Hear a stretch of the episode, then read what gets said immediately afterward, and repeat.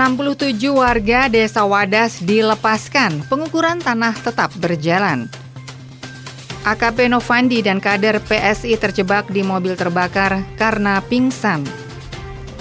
Densus klaim dua tersangka teroris di Bantul jaringan JAD Bayat ke ISIS.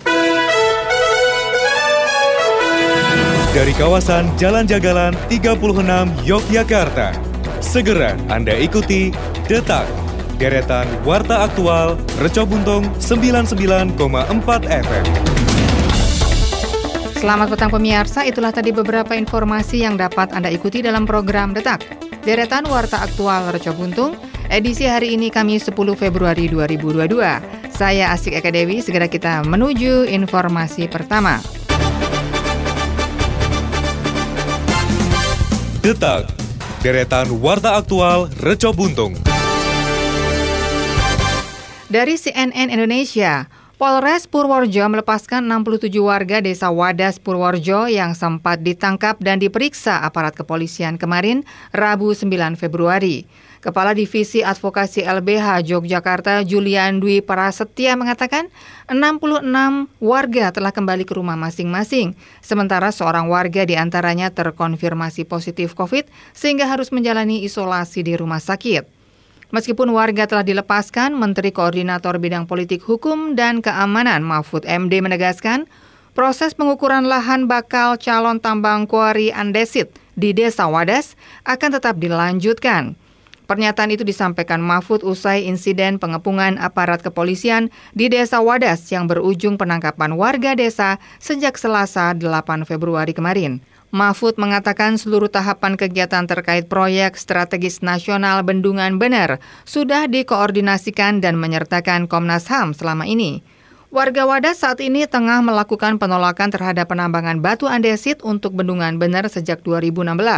Penolakan tersebut kerap mendapatkan tekanan dari aparat kepolisian. Pada Selasa kemarin, ribuan aparat kepolisian dengan senjata lengkap dikerahkan untuk mengawal pengukuran lahan untuk proyek bendungan tersebut di Desa Wadas.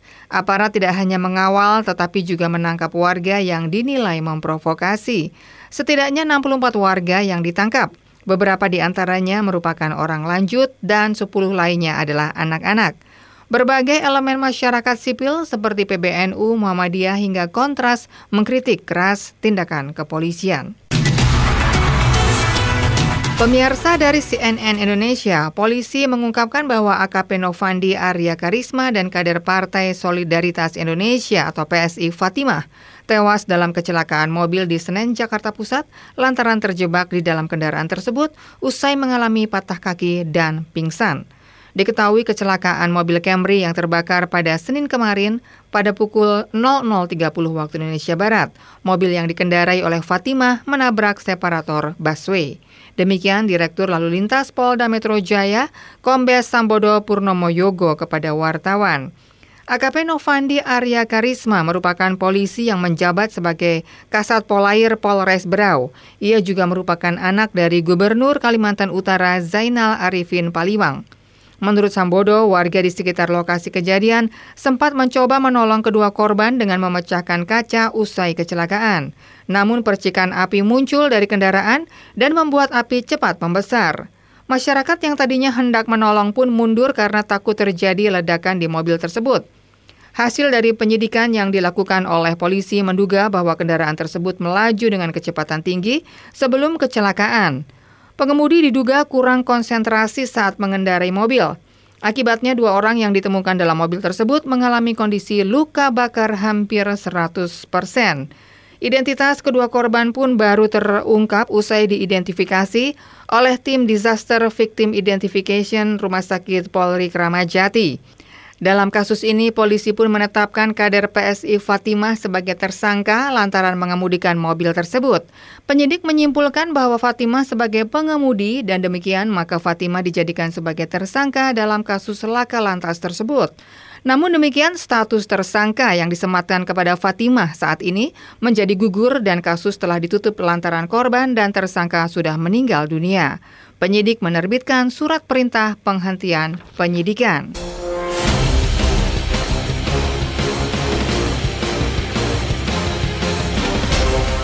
Pemirsa Detasemen Khusus Densus 88 Anti Teror Polri mengungkapkan dua tersangka teroris yang ditangkap di wilayah Bantul DIY merupakan bagian dari jaringan Jamaah Ansarudaulah atau JAD. Demikian Kepala Biro Penerangan Masyarakat Polri Brigjen Ahmad Ramadan kepada wartawan Kamis hari ini.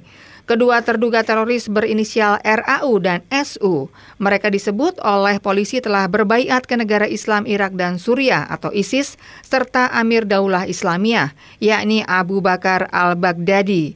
RAU melakukan kegiatan baiat tersebut pada 2014, sementara SU melakukan baiat dua tahun setelahnya. Setelah itu keduanya juga disebutkan telah berbaiat kepada Abu Ibrahim al-Hashimi al-Quraisy Ramadan mengatakan keduanya terdaftar sebagai anggota JAD di wilayah DIY. Mereka pun sempat melakukan kegiatan pelatihan militer atau IDAT bersama jaringan tersebut di wilayah DIY pada periode 2016 hingga 2019. Saat ini dilakukan proses interogasi dan penyidikan. JAD merupakan kelompok militan terorisme di Indonesia yang terlibat dalam sejumlah aksi pengeboman Terakhir, salah satu anggotanya mengebom gereja katedral di Makassar pada tahun 2021 lalu. Kelompok ini berafiliasi dengan ISIS dan telah diakui sebagai organisasi teroris oleh Departemen Dalam Negeri Amerika Serikat. Salah satu pimpinan jaringan ini yang telah ditangkap adalah Aman Abdurrahman. Pemirsa, kita hentikan sejenak detak reca buntung untuk kita ikuti kumandang adzan maghrib untuk daerah istimewa Yogyakarta dan sekitarnya. Allahu Akbar Allahu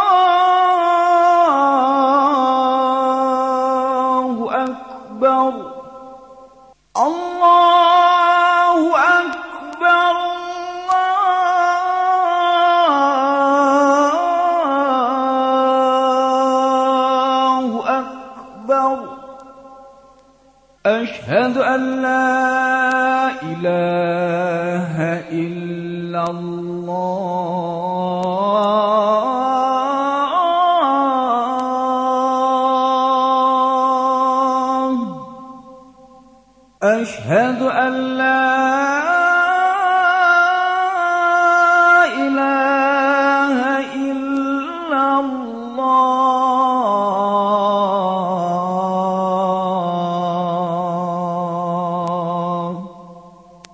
أشهد أن محمد رسول الله.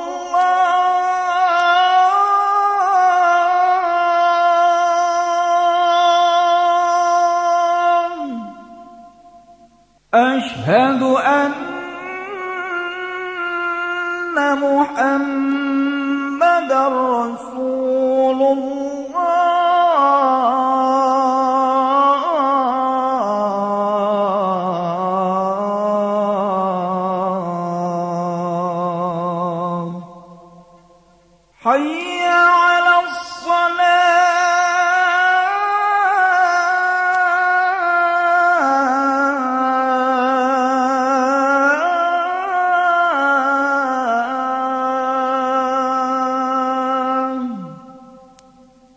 وَإِنْ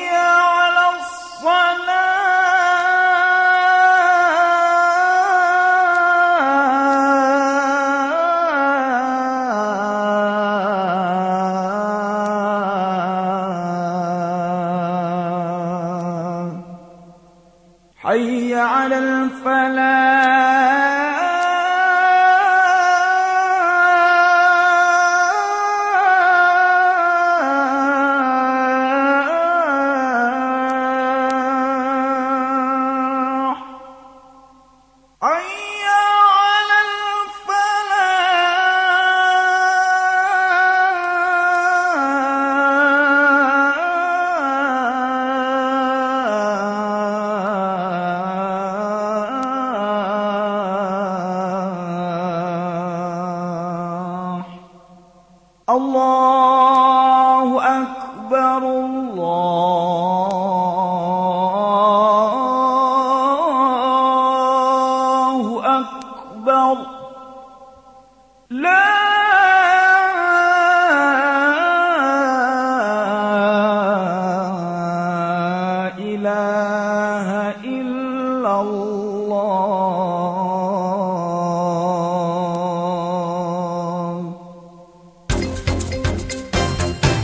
Pemirsa, kembali Anda ikuti Detak, deretan Warta Aktual Reca Buntung. Detak, deretan Warta Aktual Reco Buntung.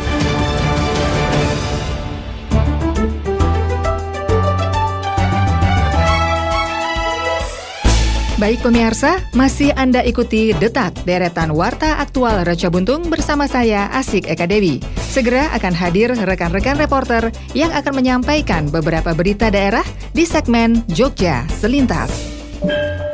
Baik, terima kasih rekan Asik Eka Dewi. Pemirsa Jogja Selintas kami awali dari Sleman. PPKM level 3 yang diberlakukan di DIY termasuk Kabupaten Sleman menjadi momentum bagi Dinas Pariwisata dan Dinas Perhubungan setempat bersama sejumlah pihak untuk melakukan penataan jalur otopet atau skuter listrik di kawasan wisata Kaliurang, Hargo Binangun, Pakem. Penataan jalur ini diharapkan dapat membuat aman dan nyaman bagi wisatawan saat touring mengendarai skuter listrik menikmati keindahan di lereng Gunung Merapi tersebut. Dijelaskan oleh Kepala Dinas Pariwisata Kabupaten Sleman Suparmono pada Rabu kemarin 9 Februari 2022. Kenyamanan dan keamanan menjadi kata kunci yang akan diprioritaskan. Dijelaskan pembatasan jalur otopet atau skuter listrik akan dilakukan khususnya pada hari-hari libur dan akan lebih longgar di weekday. Karena itu, ia menyarankan kepada wisatawan yang ingin menikmati touring dengan otopet di kawasan wisata Kaliurang, seyogyanya datang pada waktu selain hari libur agar lebih nyaman. Diketahui pemirsa PPKM di Sleman kembali di level 3 mulai 8 hingga 14 Februari mendatang. Kapasitas wisata menjadi 25 persen. Terpisah, Kepala Dinas Perhubungan Kabupaten Sleman Arif Pramana mengatakan pihaknya sampai saat ini masih menunggu draft usulan jalur otopet yang disusun paguyuban ataupun duku setempat yang menjadi pengampu wilayah. Dari usulan tersebut nantinya akan dibahas lebih lanjut terkait viasibilitas jalur yang akan digunakan. Sebelumnya pemirsa Bupati Sleman Kustini Sri Purnomo mengungkapkan dirinya mendukung adanya penyewaan skuter listrik di tempat wisata Kaliurang karena bisa menjadi pendapatan tambahan bagi masyarakat. Namun aspek keamanan menurutnya tetap harus diperhatikan. Sebab skuter listrik dalam jumlah yang cukup banyak yang berlalu lalang di jalanan ramai sehingga harus ditata agar tidak membahayakan. Kita beralih ke Kulon Progo. Kecelakaan lalu lintas yang melibatkan dua sepeda motor dan pick-up box Mitsubishi terjadi di Jalan Umum Sentolo Pengasih, tepatnya di Kalurahan Kali Agung, Kapanewon Sentolo, Kabupaten Kulon Progo pada Rabu 9 Februari kemarin. Laka lantas tersebut menewaskan seorang pengendara sepeda motor. Kapolsek Sentolo, Kompol Ngadiran menjelaskan, semula sepeda motor Honda Supra yang dikendarai oleh Sukardi 56 tahun dan Ngatinem 58 tahun melaju dari arah timur ke barat. Namun sesampainya di lokasi kejadian, sepeda motor tersebut mendahului sepeda motor lain yang tidak diketahui nomor polisinya yang membawa rumput. Karena mendahului terlalu kiri, sepeda motor Honda Supra oleng ke kanan melewati garis marka tengah. Ketika motor berada di tengah, maka dari arah yang berlawanan melaju mobil pickup, kemudian menabrak sepeda motor Honda Supra tersebut. Pengendara sepeda motor tewas saat perjalanan menuju RSUD Wates karena mengalami cedera yang cukup berat, serta pemoncengnya yang mengalami patah tangan kiri sehingga dirawat di rumah sakit, sementara pengemudi pickup tidak mengalami luka. Adapun kerusakan terjadi di bodi depan sepeda motor yang ringsek serta mobil pickup yang mengalami kerusakan di bumper dan kap depan penyok sehingga kerugian material ditaksir sekitar 500 ribu rupiah. Demikian pemirsa informasi dari Sleman dan juga Kulon Progo, sumber berita dari tribunjogja.com. Kita beralih ke informasi kota Yogyakarta yang akan disampaikan oleh rekan dari Pradita. Silakan dari. Baik, terima kasih Meda Mara. Mendengar pertumbuhan ekonomi DIY 2021 tertinggi sejawa. Hal tersebut seperti disampaikan Budiarto Setiawan, Kepala Perwakilan Bank Indonesia Daerah Istimewa Yogyakarta dalam press release-nya. Sesuai proyeksi, ekonomi DIY mampu tumbuh mengesankan pada 2021. Berdasarkan hasil rilis BPS DIY, ekonomi DIY mencatatkan pertumbuhan 5,53 persen year on year sejalan dengan proyeksi Bank Indonesia DIY yakni 5,4 hingga 6,2 persen.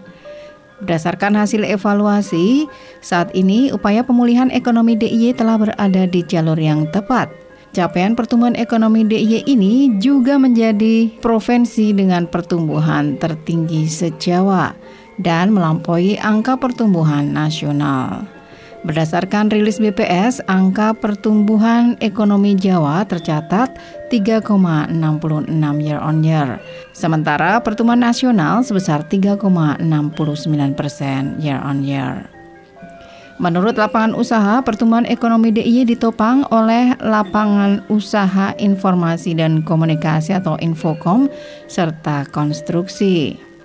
Lapangan usaha Infocom menjadi tulang punggung penopang ekonomi DIY dengan pertumbuhan 16,69 persen year on year, selaras dengan adaptasi digital masyarakat Yogyakarta yang relatif tinggi di tengah perkembangan ekonomi digital yang semakin pesat.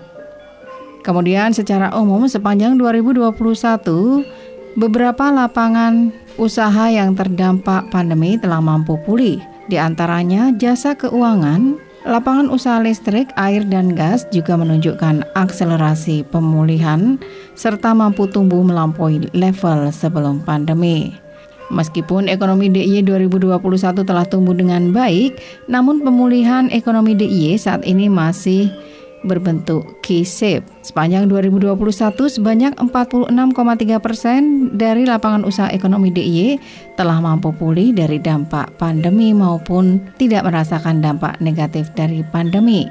Namun sebanyak 53,7 persen dari lapangan usaha ekonomi DIY masih belum mampu pulih sepenuhnya utamanya yang berkaitan dengan pariwisata seperti akomodasi makan minum, transportasi, dan perdagangan. Ke depan, diyakini ekonomi DIY masih akan melanjutkan pemulihan ekonomi. Bank Indonesia DIY memproyeksikan ekonomi DIY pada 2022 akan tumbuh pada kisaran 4,8 hingga 5,8 persen year on year. Pendengar penyerapan aspirasi masyarakat dalam prolegnas RUU Prioritas tahun 2022 merupakan hal yang sangat penting. Aspirasi masyarakat yang didengar dan diserap oleh para anggota Badan Legislatif DPR RI diharapkan tidak hanya menjadi catatan pengkajian saja, namun, semua masukan dan aspirasi masyarakat hendaknya dipahami, diserap dengan baik agar maksud dan interpretasinya tidak salah. Demikian disampaikan Wakil Gubernur DIY Sri Paduka Pakualam ke-10 saat menyambut kunjungan kerja Badan Legislatif atau Balik DPR RI ke Pemda DIY pada Rabu 9 Februari 2022. Kunjungan kerja balik DPR RI ini dalam rangka sosialisasi program legislasi nasional atau Prolegnas Rancangan Undang-Undang tahun 2022. Selanjutnya, Sri Paduka Pakualam juga menyatakan berbagai masukan langsung dari masyarakat kiranya akan dapat ditindaklanjuti dan disusun menjadi peraturan perundang-undangan yang sesuai dengan tingkatan kebutuhan dan urgensinya. Di sisi lain, pimpinan rombongan ST Wijayati mengungkapkan sosialisasi yang dilakukan oleh Balik DPR RI mencakup Prolegnas RUU Prioritas tahun 2022 dan Prolegnas RUU Perubahan ketiga tahun 2020-2024. Berdasarkan keputusan DPR RI, Prolegnas RUU Prioritas tahun 2022 ditetapkan sebanyak 40 rancangan undang-undang. Selanjutnya, Badan Legislatif juga mempunyai kewajiban mensosialisasikan prolegnas yang dimaksud kepada masyarakat. Pihaknya juga menyatakan setiap rancangan undang-undang yang akan ditetapkan menjadi undang-undang tentu dipastikan senantiasa mencerminkan kebutuhan dan aspirasi masyarakat. Karenanya, kegiatan sosialisasi prolegnas juga memiliki sasaran yang hendak dicapai. Pertama, terjalinnya komunikasi dengan seluruh elemen masyarakat dan pemerintah daerah terkait proses pembentukan undang-undang yang sudah ditetapkan dalam Prolegnas RUU Prioritas tahun 2022 dan Prolegnas RUU Perubahan ketiga tahun 2020-2024. Demikian informasi dari Kota Yogyakarta. Saya dari Pradita, segera kita menuju ke rekan Mei Damara. Baik, terima kasih rekan dari Pradita untuk informasi dari Kota Yogyakarta. Pemirsa kita beralih kembali ke informasi Bantul dan Gunung Kidul. Masih dari Tribun Jogja.com. Pelemparan molotov ke satu unit kendaraan milik warga di Bantul. Korban adalah Pramita Desi Rahmawati, 30 tahun, warga Pandansari, Banguntapan, Kabupaten Bantul, Daerah Istimewa Yogyakarta. Ia menjadi korban pelemparan molotov pada Selasa 8 Februari kemarin. Mobil yang terparkir di halaman hangus terbakar akibat kejadian tersebut. Desi menceritakan bahwa peristiwa tersebut terjadi sekitar pukul 3 waktu Indonesia Barat. Desi memarkirkan mobil Daihatsu Sigra miliknya di rumah ibunya. Mendengar suara seperti percikan api, ibunya pun keluar rumah dan melihat api sudah membakar mobil milik Desi. Ibunya berusaha memadamkan api dengan air, namun api makin membesar. Warga yang mengetahui kejadian tersebut membantu memadamkan dengan menggunakan pasir. Akibat kejadian tersebut, mobilnya mengalami rusak yang cukup parah di bagian samping kanan dan belakang kanan. Api pun turut membakar ban dan bagasi bagian belakang. Desi sendiri sempat mencari tahu terkait pelaku yang membakar mobilnya. Ia menceritakan bahwa beberapa jam sebelum kejadian, ibunya sempat bertemu orang yang mencurigakan. Ibunya sempat menanyakan keperluan orang tersebut, namun hanya dijawab mencari orang gila. Desi mengaku bahwa selama ini ia tidak pernah memiliki masalah dengan siapa pun. Atas kejadian tersebut, Desi telah memberikan laporan kepada pihak kepolisian. Petugas polisi datang ke TKP untuk melakukan pemeriksaan. Ia berharap polisi dapat menangkap pelaku pelempar molotov dan mengetahui motif pelaku. Sementara itu pemirsa Kapolsek Banguntapan Kompol Zainal Supriyatna membenarkan kejadian tersebut dan mengatakan bahwa sudah mendapat laporan dari korban. Pihaknya akan menghimpun keterangan dari korban, saksi, dan olah TKP untuk mengusut kasus ini. Berita dari Gunung Kidul, pemirsa, temuan hewan ternak yang mati secara mendadak di Kabupaten Gunung Kidul kembali bertambah. Ternak mati tersebut dilaporkan terjadi di wilayah yang kini menjadi zona merah antraks. Pelaksana tugas Kepala Dinas Peternakan dan Kesehatan Hewan Gunung Kidul, Kli Yunian Toro menyampaikan temuan tersebut dilaporkan pada Selasa 8 Februari lalu. Ternak yang ditemukan mati mendadak adalah seekor kambing. Menurutnya, kambing tersebut ditemukan mati di wilayah Kelurahan Hargomulyo, Gedang Sari. Adapun di wilayah yang sama, sudah dilaporkan sebanyak 8 hewan ternak mati, terdiri dari 6 sapi dan 2 kambing. Temuan tersebut membuat ternak yang dilaporkan mati kini mencapai 17 ekor. Selain Gedang Sari, kematian ternak dilaporkan terjadi di Kelurahan Gombang, Poncong, terakhir pada 4 Februari lalu. Lantaran temuan ternak mati masih bertambah, DPKH Gunung Kidul akan lebih memperketat edukasi pencegahan ke masyarakat, terutama untuk yang tidak menyembelih dan mengkonsumsi ternak mati tersebut. Wacana pembelian ternak mati oleh Pemkap Gunung Kidul juga digulirkan.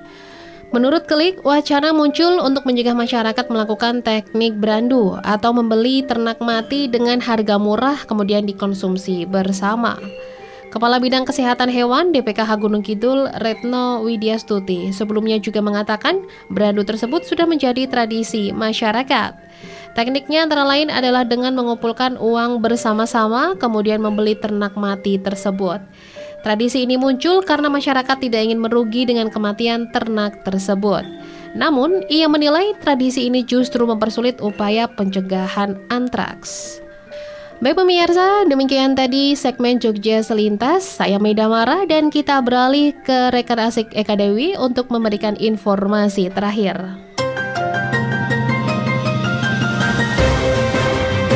Terima kasih untuk rekan-rekan reporter yang sudah mengabarkan informasi di segmen Jogja Selintas. Dan pemirsa, sekarang kita sampai ke informasi yang terakhir. Detak, deretan warta aktual Reco Buntung.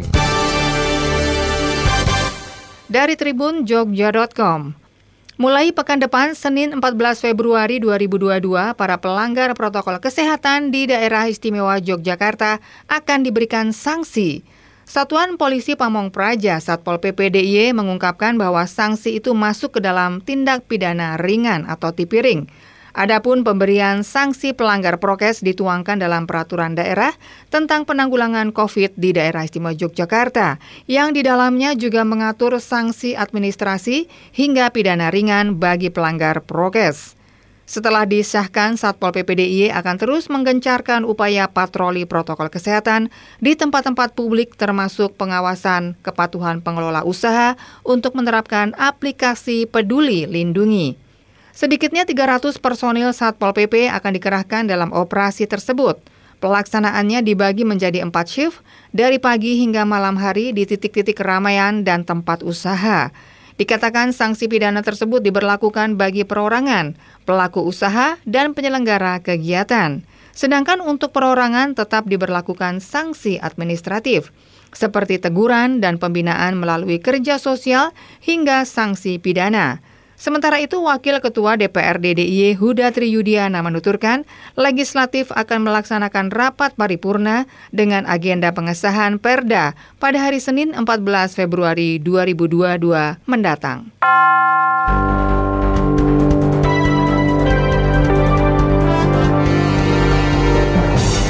Pemirsa waspada virus corona. Penularan dari manusia ke manusia lewat cairan, batuk, bersin, dan berjabat tangan. Virus ditularkan jika Anda menyentuh cairan orang terinfeksi, lalu menyentuh area mata, hidung, mulut. Gejala-gejala yang perlu diperhatikan: batuk, pilek, sakit tenggorokan, demam, sakit kepala, dan sesak nafas. Hotline Kemenkes terkait virus corona di 021 5210411 atau 081 2121 23119.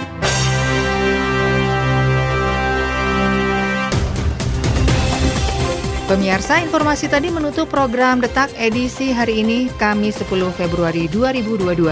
Ikuti kembali program Detak Deretan Warta Aktual Rejo Buntung esok petang pukul 18 waktu Indonesia Barat. Radio lawan COVID-19.